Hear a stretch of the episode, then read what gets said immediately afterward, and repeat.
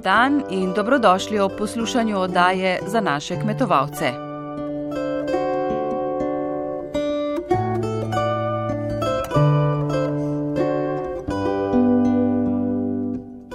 Letos je mednarodno leto sadja in zelenjave. Leto 2021 bo zato v znamenju številnih promocijskih aktivnosti za spodbujanje uživanja sadja in zelenjave, poudarjanju prehranske samooskrbe ter doseganju ciljev trajnostnega razvoja do leta 2030.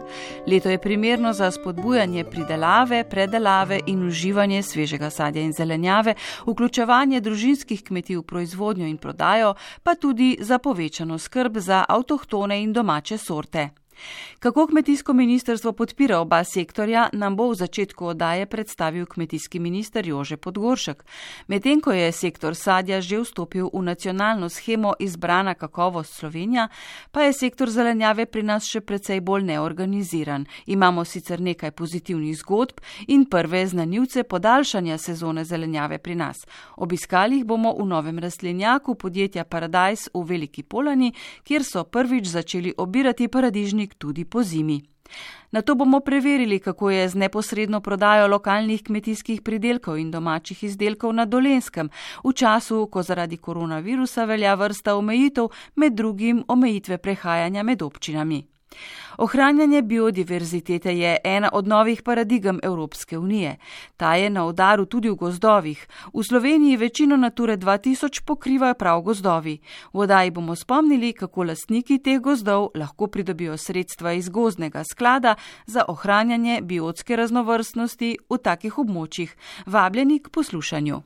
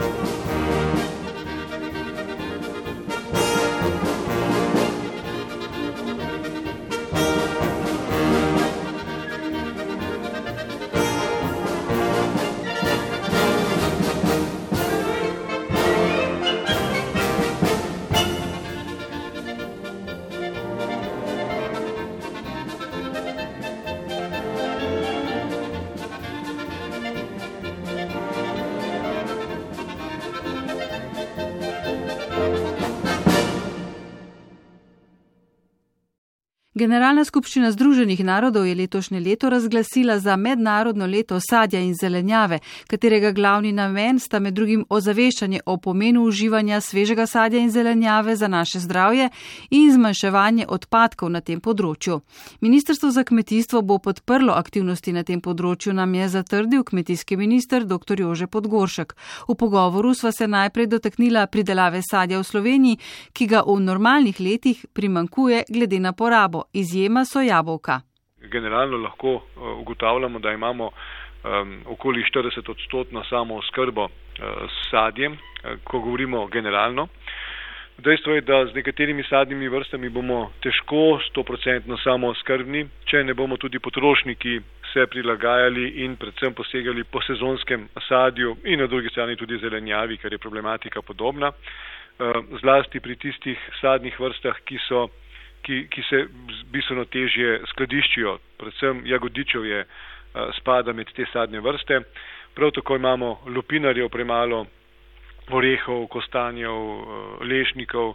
V Slovenijo tudi prihajajo nekatere nove sadne vrste, sibirska borovnica in podobno. Površine pod jablano se zaskrbljujoče zmanjšujejo, skupne površine s sadjem pa se že nekaj let povečujejo. Dobre sadjarske lege obetajo potencijalni razvoj te panoge, tega pa ne bo, dokler v sektorju ne bo povezovanja in združevanja. Še vedno imamo preveč čisto samostojnih ponudnikov na trgu, ki konkurirajo drug drugemu. Proizvodna ni usklajena z dejanskim popraševanjem. V posameznem obdobju leta imamo preveč jagod, um, ker bi lahko tudi z drugimi sortami, drugačnimi tehnologijami pač podaljšali to sezono jagod. Država bo seveda pomagala sadjarstvu nasploh z vsemi ukrepi za povezovanje, z ukrepi za preprečevanje posledic podnebnih sprememb. Torej, eh, tudi v eh, zdajšnjem programskem obdobju smo z osmo spremembo programa razvoja podeželja dvignili deleže sofinanciranja za mreže proti toči, za namakalne sisteme, kot tudi za rastlinjake na drugi strani, eh, na zelenjadarskem delu, kot tudi za proti, pozebno protislansko zaščito, torej za oraševanje. Torej, v tem delu bomo tudi v novem programskem obdobju namenjali veliko podporo uh, tem prilagoditvam, predvsem z namenom, da stabiliziramo uh, pridelavo na eni strani, na drugi strani seveda pa tudi uh, investicijam, morda tudi skupinskim naložbam za skladiščanje in dodelavo za trg, torej za pripravo teh pridelkov za trg. Primeri dobrih praks kažejo, da se tako pri pridelavi sadja kot zelenjave da povečati vrednost proizvodnje tudi na manjših kmetijskih gospodarstvih. Specifična težava zadnjih 20 let pri ponudbi slovenske zelenjave pa je, da imamo 3 do 4 mesece v obdobju sezone dovolj sveže zelenjave, ki je v Sloveniji še vedno pretežno pridelana na prostem, zunaj sezone pa slovenske zelenjave skoraj da ni na trgu. Tudi eh, najbolj sodobni pridelovalci paradižnika, mimo grede, eh, nimajo paradižnika nekje od januarja do konca marca, torej je tudi v tem delu neka mrtva sezona, ne glede na to, da ga ogrevajo s toplo vodo, da imajo tudi nekatere luči za podaljševanje dneva, ampak je to vendarle del, tisti del leta, kjer, kjer praktično moš vse pogoje ustvariti umetno in je takšna pridelava bistveno predraga, glede na dosežene cene potem na trgu. Torej, eh, eh, pri zelenjavi vendarle imamo priložnosti, predvsem podaljšati sezono. Zato je naša naloga, da tudi z investicijami v rastlinjake, v geotermijo, torej toplo vodo, eh, tudi v protikorona paketih smo olajšali, predvsem pohitrili postopke za vsa dovoljenja za izgradno rastlinjakov. Ravno tako za, bomo, naj, bomo objavili javni razpis za, za sofinanciranje reinjekcijskih vrtin, s čimer bistveno lahko povečamo rabo toplote kot energije za ogrevanje rastlinjakov, uh, zato da bi to sezono pridelave podaljšali. To je v tem trenutku ključna naloga, ki jo verjetno vsi skupaj imamo. Na eni strani, na drugi strani pa enako kot pri sadjarjih je potrebno pristopiti k organizirani pridelavi. Še dva povdarka sta v tem mednarodnem letu sadja in zelenjave in sicer eden je zmanjšanje izgub in odpadkov, drugi pa promoviranje dobrih praks na področju pridelave, prodaje in pa eh, porabe sadja in zelenjave in me zanima, um, ali imamo v Sloveniji pripravljen nek sistemski pristop za zmanjšanje izgub in odpadkov na tem področju in pa kako se bo država oziroma ministrstvo vključilo v promoviranje dobrih praks. Ja, ravno kar uh, smo v praktično zaključni fazi, ko govorimo o programu za zmanjševanje izgub uh, hrane, za zmanjševanje odpadkov. Tukaj lahko rečemo, da sveže sadje in zelenjava v nekem delu predstavljata uh, večje tveganje za od, o, izgube, zlasti hitro pokvarljivo sadje in zelenjava, tista, ki je najbolj občutljivo, zato uh, moramo in tudi to mednarodno leto sadje in zelenjave povdarja pomen transporta, logistike, skladiščanja, priprave izdelka za trg, zato da bi čim bolj zmanjšali te odpadke, ki nastajajo uh, od njive naprej. Uh, tako da se zavedamo tega pomena, tudi bomo izvajali različne akcije še v bodoče. Uh, tako v, v horeka sistemih, kot tudi v javnih prehranskih obratih, predvsem pa z osveščanjem končnih potrošnikov, ker ugotavljamo, da je verjetno ravno na domačih gospodinstvih tega odpadka precej. Tiste hrane, ki bi bila sicer užitna, vemo, da je odpadna hrana problematična tudi v živilsko-predelovalnem sektorju, kjer pa pogosto govorimo o tem tako imenovanem neužitnem odpadu. Napredek nas čaka predvsem pri teh odpadkih hrane užitnega dela. Vsekakor moramo omeniti tudi, da bomo tudi na našem ministrstvu podpirali promocijo uživanja sadja in zelenjave, ne na zadnje letošnja šolsko leto, kljub vsem tem težavam, ki jih imamo z zaprtjem šol. Upam, da se bodo tudi otroci čim prej lahko vrnili, da bo epidemiološka situacija to omogočala, da bomo šole ponovno napolnili z našimi najmlajšimi. No in ko se bo to zgodil, bomo ponovno v letošnjem letu pričeli oziroma nadaljevali schemo šolskega sadja, zelenjave in mleka, ravno z namenom, da najmlajše osveščamo o pomenu uživanja svežega sadja, predvsem zelenjave, ker vemo, da pri najmlajših ravno zelenjava ne gre skrožnikov.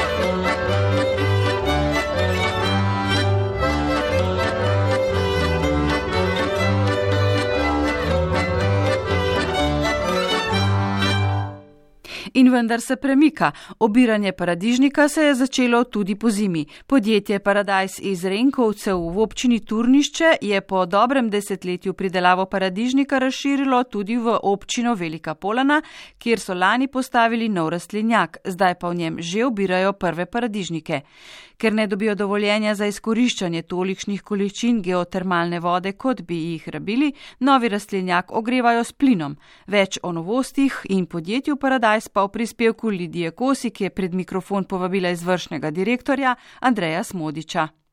Par dni po Božiču smo začeli obirati prve paradižnike v naši novi napravi v Mali Polane. Sicer so bile to, kot pač na začetku vedno je, manjše količine, ampak proizvodnja je nastavljena, pridelava poteka in eh, te količine naraščajo, tako se že prve manjše količine pojavljajo tudi v trgovinah po Sloveniji. V Renkovcih so zrasli paradižniki, tako da smo jih recimo jedli konec aprila, maja.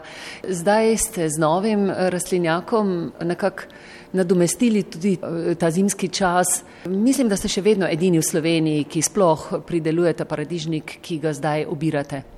Tako, naša pridelava na lokaciji Renkovce je potekala v času, oziroma plodovi so bili na razpolago eh, našim potrošnikom v času od začetka aprila pa do konca decembra.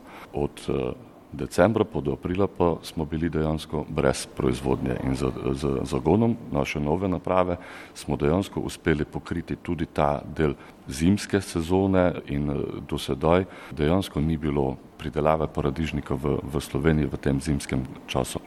Tako pokrili smo dejansko pridelavo čez celo koledarsko leto z to novo pridobitvijo.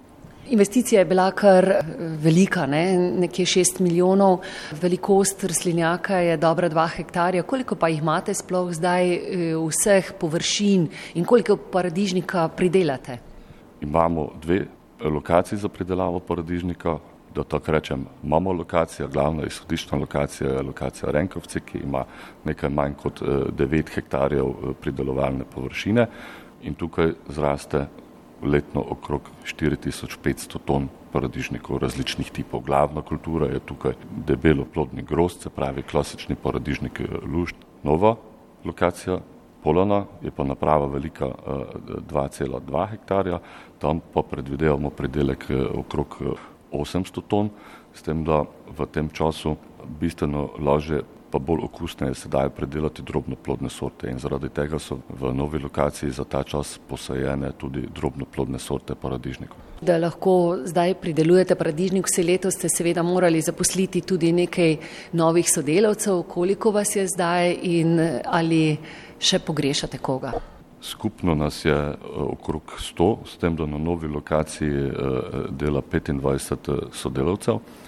Zaposlili smo pa te eh, ljudi že v drugi polovici prejšnjega leta, konec maja smo začeli, ker eh, vseeno je treba izbrati prave ljudi, izbrati eh, ljudi, ki so primerni za delo z rastlinami. Tukaj je potreben tisti občutek zelenih prstov. Rastlina je živo bitje, živa stvar, ki, ki zahteva dost podobno nego tudi kot, kot vse živali. Se pravi, treba imeti neki, neki občutek za same rastline. Število za enkrat zadošča, s tem, da eh, ga bomo po potrebi seveda prilagajali. Vseeno imamo dve lokaciji, eh, pridelava tukaj v Renkovcih trenutno ne poteka in če bi slučajno eh, se pokazala neka večja potreba po zaposlenih, potem prestavimo lahko nekaj ljudi iz lokacije Renkovce. Ja, tukaj v Renkovcih ste zdaj pobrali paradižnik, očistili rastlinjake, torej so prazni, kmalo pa ne bodo več prazni, ne? Res je, mi smo v fazi čiščenja eh, rastlinjaka in eh, priprave na novo generacijo sadik. Sadike bodo prišle predvidoma v zadnjem eh, tednu januarja. Takrat jih bomo tudi zasadili in začeli negovati in pripravljati na novo sezono, ki pričakujemo, da se bo začela tam enkrat aprila.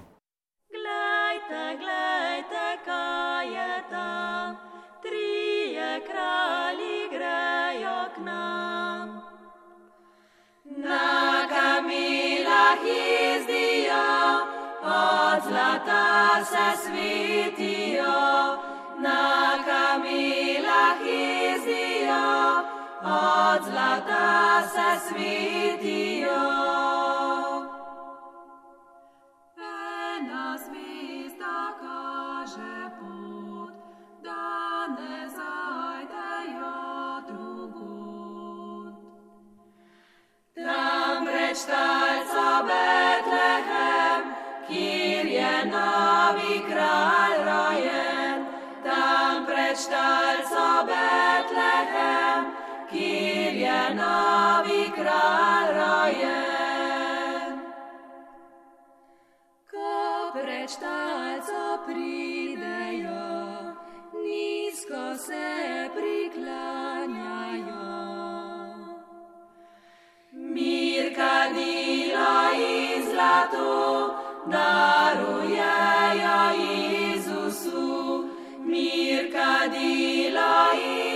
zlato, darujejo Jezusu.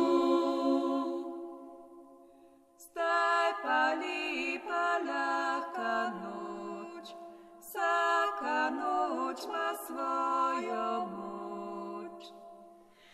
Mi smo se že popotmenili, da ima prva sendrek dobil.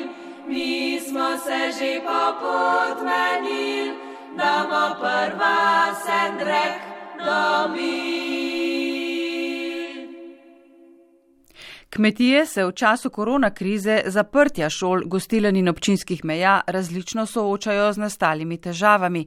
Največ težav imajo tiste, ki so vezane na dobavo večjim odjemalcem v javnem sektorju, ob tem pa državnih pomoči, kot v nekaterih drugih panogah, niso deležni. Prispevek o treh dolenskih kmetijah je pripravil Jože Žura. Na kmetiji Kastelico Novomeški žabi vas imajo mlekomat, avtomat in manjšo trgovinico. V korona krizi se je prodaje mlečnih proizvodov povečala, pove Andrej Kastelic. Na kmetiji imamo mlekomat, prodajni avtomat za skuto jogurt, tudi strop in pa polnozrnato moko. Vse te stvari gredo v času epidemije bistveno bolj. Je pa res tudi to, da saj iz prvega kroga epidemije imamo izkušnjo, da tiste stranke, ki se odločijo, da kupujejo preko avtomata kot najbolj varen način nakupa. Te stranke ostanejo tudi potem, ko ni epidemija več razglašene, se pravi, se nam prav zaradi epidemije prodaja povečuje. Na kmetiji pa prodajajo tudi teleta in bikce za nadaljne pitanje. In prav v tem obdobju pa prodaja v bistvu telet za pitanje nikakor ne steče. tako da bom rekel, če ne bodo bila ta teleta prodana v pitanje na druge kmetije, bomo morali čez nekje dva meseca ta teleta dati v klavnico in v bistvu njihovo meso prodati končnemu potrošniku po paketih petkilskih, recimo nekaj podobnega. To dejavnost imamo že registrirano, jo pa izvajamo samo bolj po potrebi, če ne gre drugače, ker to za nas predstavlja dodatno delo. To dodatno delo pa seveda gremo delati, če sicer ne bi dobili primerno plačena teleta. Je še povedal Andrej Kastelic. Le nekaj kilometrov iz novega mesta na selih pri Ratežu je kmetija Medle usmerjena predvsem v pridelavo zelenjave. Imajo hektar ogrevanih rastlinjakov. Čeprav veliko zelenjave prodajo doma v lično urejeni trgovini ali pa jo razvažajo strankam na dom, se zelo pozna dolgotrajno zaprtje šol, vrtcev in gostilen, pove mlada prevzemnica kmetije Nataša Medle Rumpret. Glede na to, da so vsi javni zavodi zaprti, da je res minimalistično delajo samo vrci, kar je nujno varstvo, se zelo poznane na prodaji, na ostajanju zelenjave. To glih ni predmet, ki bi nekaj stalo, ne? ampak je sveže za porabiti in tudi je težko skladiščiti. Se kar poznane. In ker imamo zdaj prodajo, so samo te nujne gostilne, ki razvažajo in prodajajo na domu, kaze trebne, ki nam pač trenutno največji odjemalec za svoje trgovine, drugače se pa poznano. Na jesenski val epidemije so se sicer bolj pripravili, a je obisk kmetije manjši kot spomladi. Spomladanski val je bil nepričakovan, ampak je bil zelo obiskovan. Tako da smo se na jesenski bolj pripravili, ampak ni bilo pa ta zganavala, kot spomladi. Spomladi so bili ljudje bolj prestrašeni, pa to niso še tako trgovine, kot zdaj. Glede državne pomoči za čas epidemije pa Nataša Medlerum predpove. Ne, nobeno nobeno domestilo, noč ti ne pripada. Nikamor, v noben razred nas niso vrstili. Imajo pokojnici, imajo vsi, ampak kmetje nimamo nikjer nič. Kmetija Škrbina iz Vinice pri Šmarjeti je najbolj znana po suhomesnatih izdelkih.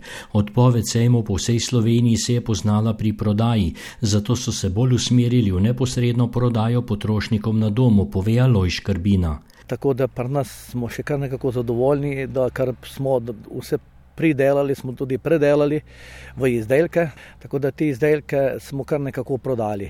To pomeni eh, direktno kupcu. Ali smo doma ali na tržnici, ki so še obratovali, tudi to je velik plus. Ne? Eh, ali pa tudi eh, razpeljali domov. Predvsem starejšim, ki niso, niso mogli, ne, tudi velik minus je bil medobčinsko, je bilo zaprto, ker ta protok je bil slabši, ne, ampak moram reči, da smo kar nekako prodali. Navadne potrošnikov pa se spreminjajo. Da eh, ta lokalna prodaja, da ljudje res raj kupijo od lokalno, od kmeta neposredno ker tle ni potem niti ne, ni, ni dolg na, na raznih zalogah, hladilnicah, ampak direktno ali bodi si z njive, ali pa bodi si od nas, ki to predelamo direktno in frišno in pa res, seveda, tudi res domače. Kljub težkim časom pa o zmanjšanju proizvodne ne razmišljajo, ampak načrtujejo povečanje. Ker tudi družina dela na tem, sin ne bo prevzel kmetijo in je zelo priden in tudi eh, ima vesele tako da bi le to zaživelo, pa da bi bilo to prav, kot tudi plačeno, da, da od tega se preživi in seveda tudi razvija. Ne. Tudi to je pomembno, ker je danes treba se razvijati, stroji so dragi, oprema je draga in seveda tudi zemlja je dosti na prodaj. Zelo velik in je zelo dobro, če kakšen hektar zemlje kupiš, čeprav je za kmeta težko. Sicer ni zemlja tako draga, kmetijska, ampak za kmeta je pa zelo draga. Je še povedal Aloj Škrbina iz Vinice pri Šmarjeti.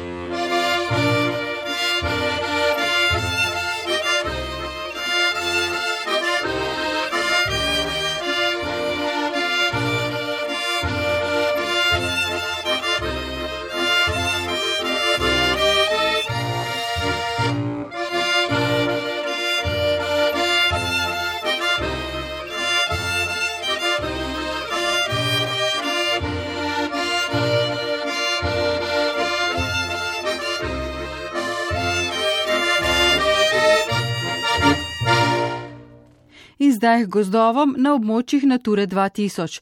Vsi so večinoma strnjeni kompleksi od alpskega prostora do Dinaridov ter od goričkega do nižinskih gozdov ob Muri in Dravi. Skupno obsegajo petkratnik površine kočevskega območja. Tri četrtine jih je v zasebni lasti in imajo status varovalnega gozda. Ti gozdovi so integrirani v slovensko gospodarjenje z gozdovi, a za nje veljajo nekateri nadstandardi, za izvajanje katerih se lastniki gozdov individualno dogovarjajo z gozdarsko službo. Za ohranjanje ohranitvenega stanja vrst in habitatnih tipov v Naturi 2000 je bil ustanovljen gozdni sklad, v katerem je za ukrepe v zasebnih gozdovih na leto na razpolago 750 tisoč evrov.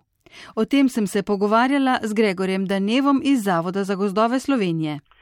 Ukrepi za Naturo 2000 ne odstopajo bistveno od ukrepov, ki jih slovensko gozdarstvo pozna že dalj časa in jih tudi sofinancira oziroma financira uh, preko nacionalne scheme. Za Naturo 2000 edino, kar je, so se uveljavljali nekateri nadstandardi, kot je puščanje ekocelic brez ukrepanja, umeščanja v gozdove ekocelice z naborom nekaterih ukrepov, ki jim rečemo ekocelice z ukrepanjem, nadstandardno puščanje odmrle biomase in habitatnega drevja v gozdu. In to je dejansko dogovorno oziroma pogodbeno razmerje med državo in, in lastnikom gozda, da drevo odmre do konca njegovega življenja ali za 20 let pusti nek del gozda prepuščen naravnemu razvoju, da ne izvaja sečnje. Ker konec koncev je bil tudi ustanovljen gozni sklad, eh, prav zato, da se ohranja to ugodno stanje in vrst in, in habitatnih tipov. Kako so izrabljena sredstva tega sklada in kakšen je odziv pri lastnikih? Zdaj, gozdni sklad smo začeli koristiti z letom 2018 v, v večji meri. V letu 2019 je bilo porabljenih približno 700 tisoč evrov, v letu 2020 lahko rečemo, da se je vseh 750 tisoč evrov porabilo. Letno je gozdni sklad namenjal okvirno 750 tisoč evrov za te potrebe. Kar se tiče lastnikov, imamo različne lastnike. Nekateri, nek, z nekaterimi je treba veliko energije in truda in komunikacije, da uspemo z tem, da dogovorimo nekatere ukrepe. Nekateri lastniki, čeprav manj teh lastnikov je, da samovoljno pridajo do revirnega gozdarja in se zanimajo, zanimajo za te ukrepe. Tako da je treba veliko energije nameniti ravno v promocijo in v komunikacijo teh ukrepov, pa glede na to, da imamo gozdni sklad eh, šele dejansko v resni uporabi dve leti, je to še ena izmed nalog, ki nas čaka v prihodnje. E, kako pa lahko lasniki, eh, ki imajo gozdove v Naturi 2000, pridejo do teh sredstev um, za ohranjanje biotske vrstnosti in do teh sredstev, ki so jim pravzaprav namenjena in kakšna so ta sredstva? Za lastnika je najpomembnejše, da se obrne na pristojno krajevno enoto Zavoda za gozdove Slovenije oziroma na svojega revirnega gozdarja. Njegov revirni gozdar mu bo lahko svetoval, se boste pomenila o teh ukrepih in možnostih, ali, ali je lastnik upravičen sploh do takega ukrepa oziroma do financiranja uh, ukrepa.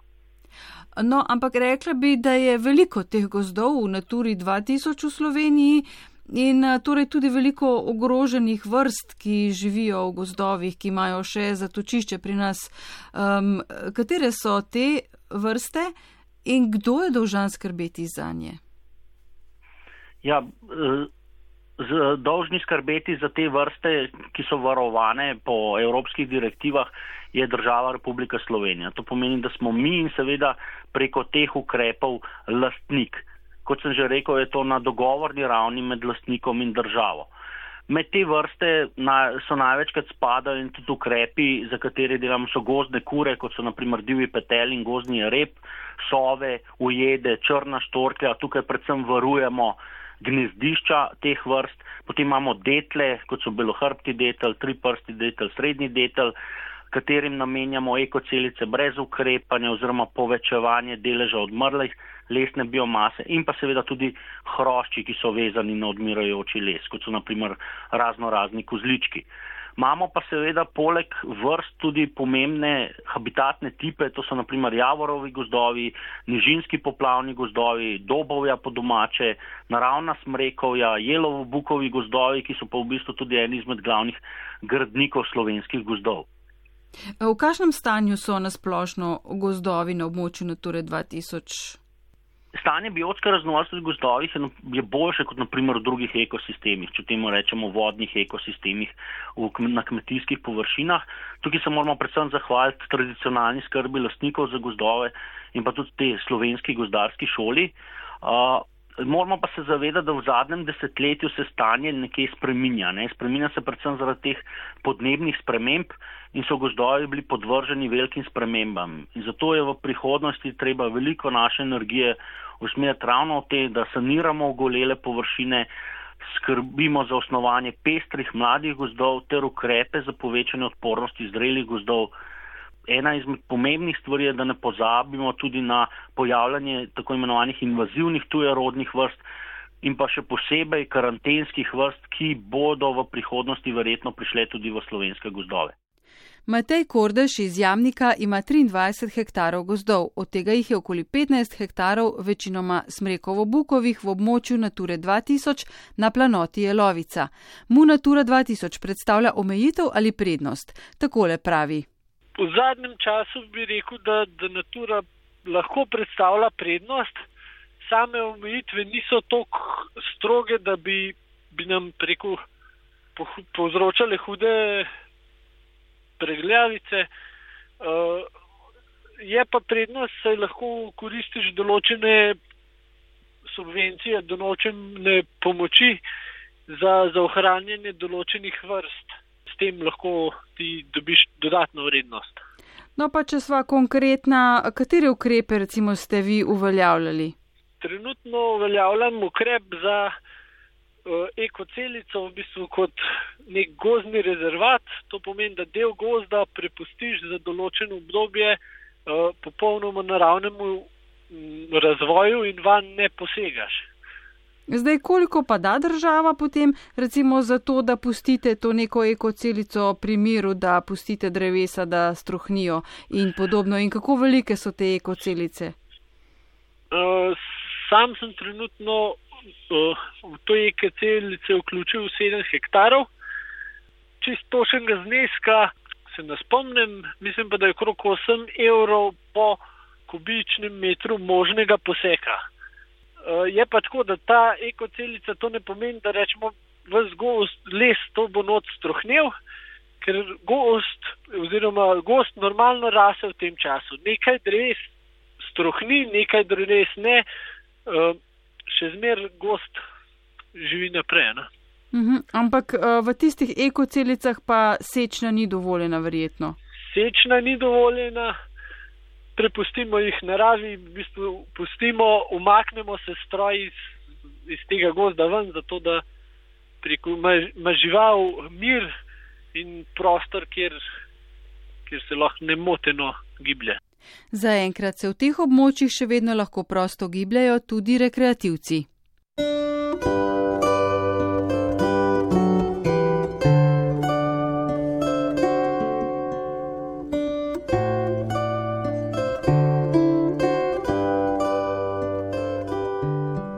Dragi prijatelji, to je bila oddaja za naše kmetovalce. Pod njo se podpisujemo novinari Lidija Kosi, Jože Žura in Jrnej Kadrolec, ki sem jo pripravila in povezala. Za zvok je poskrbel Robert Markoč, glasbo je izbral Matej Vnišek. Naše oddaje najdete na spletnem portalu radio1.rtvslo.si in v arhivu oddaj na portalu MMC. Prijetno nedeljo in srečno!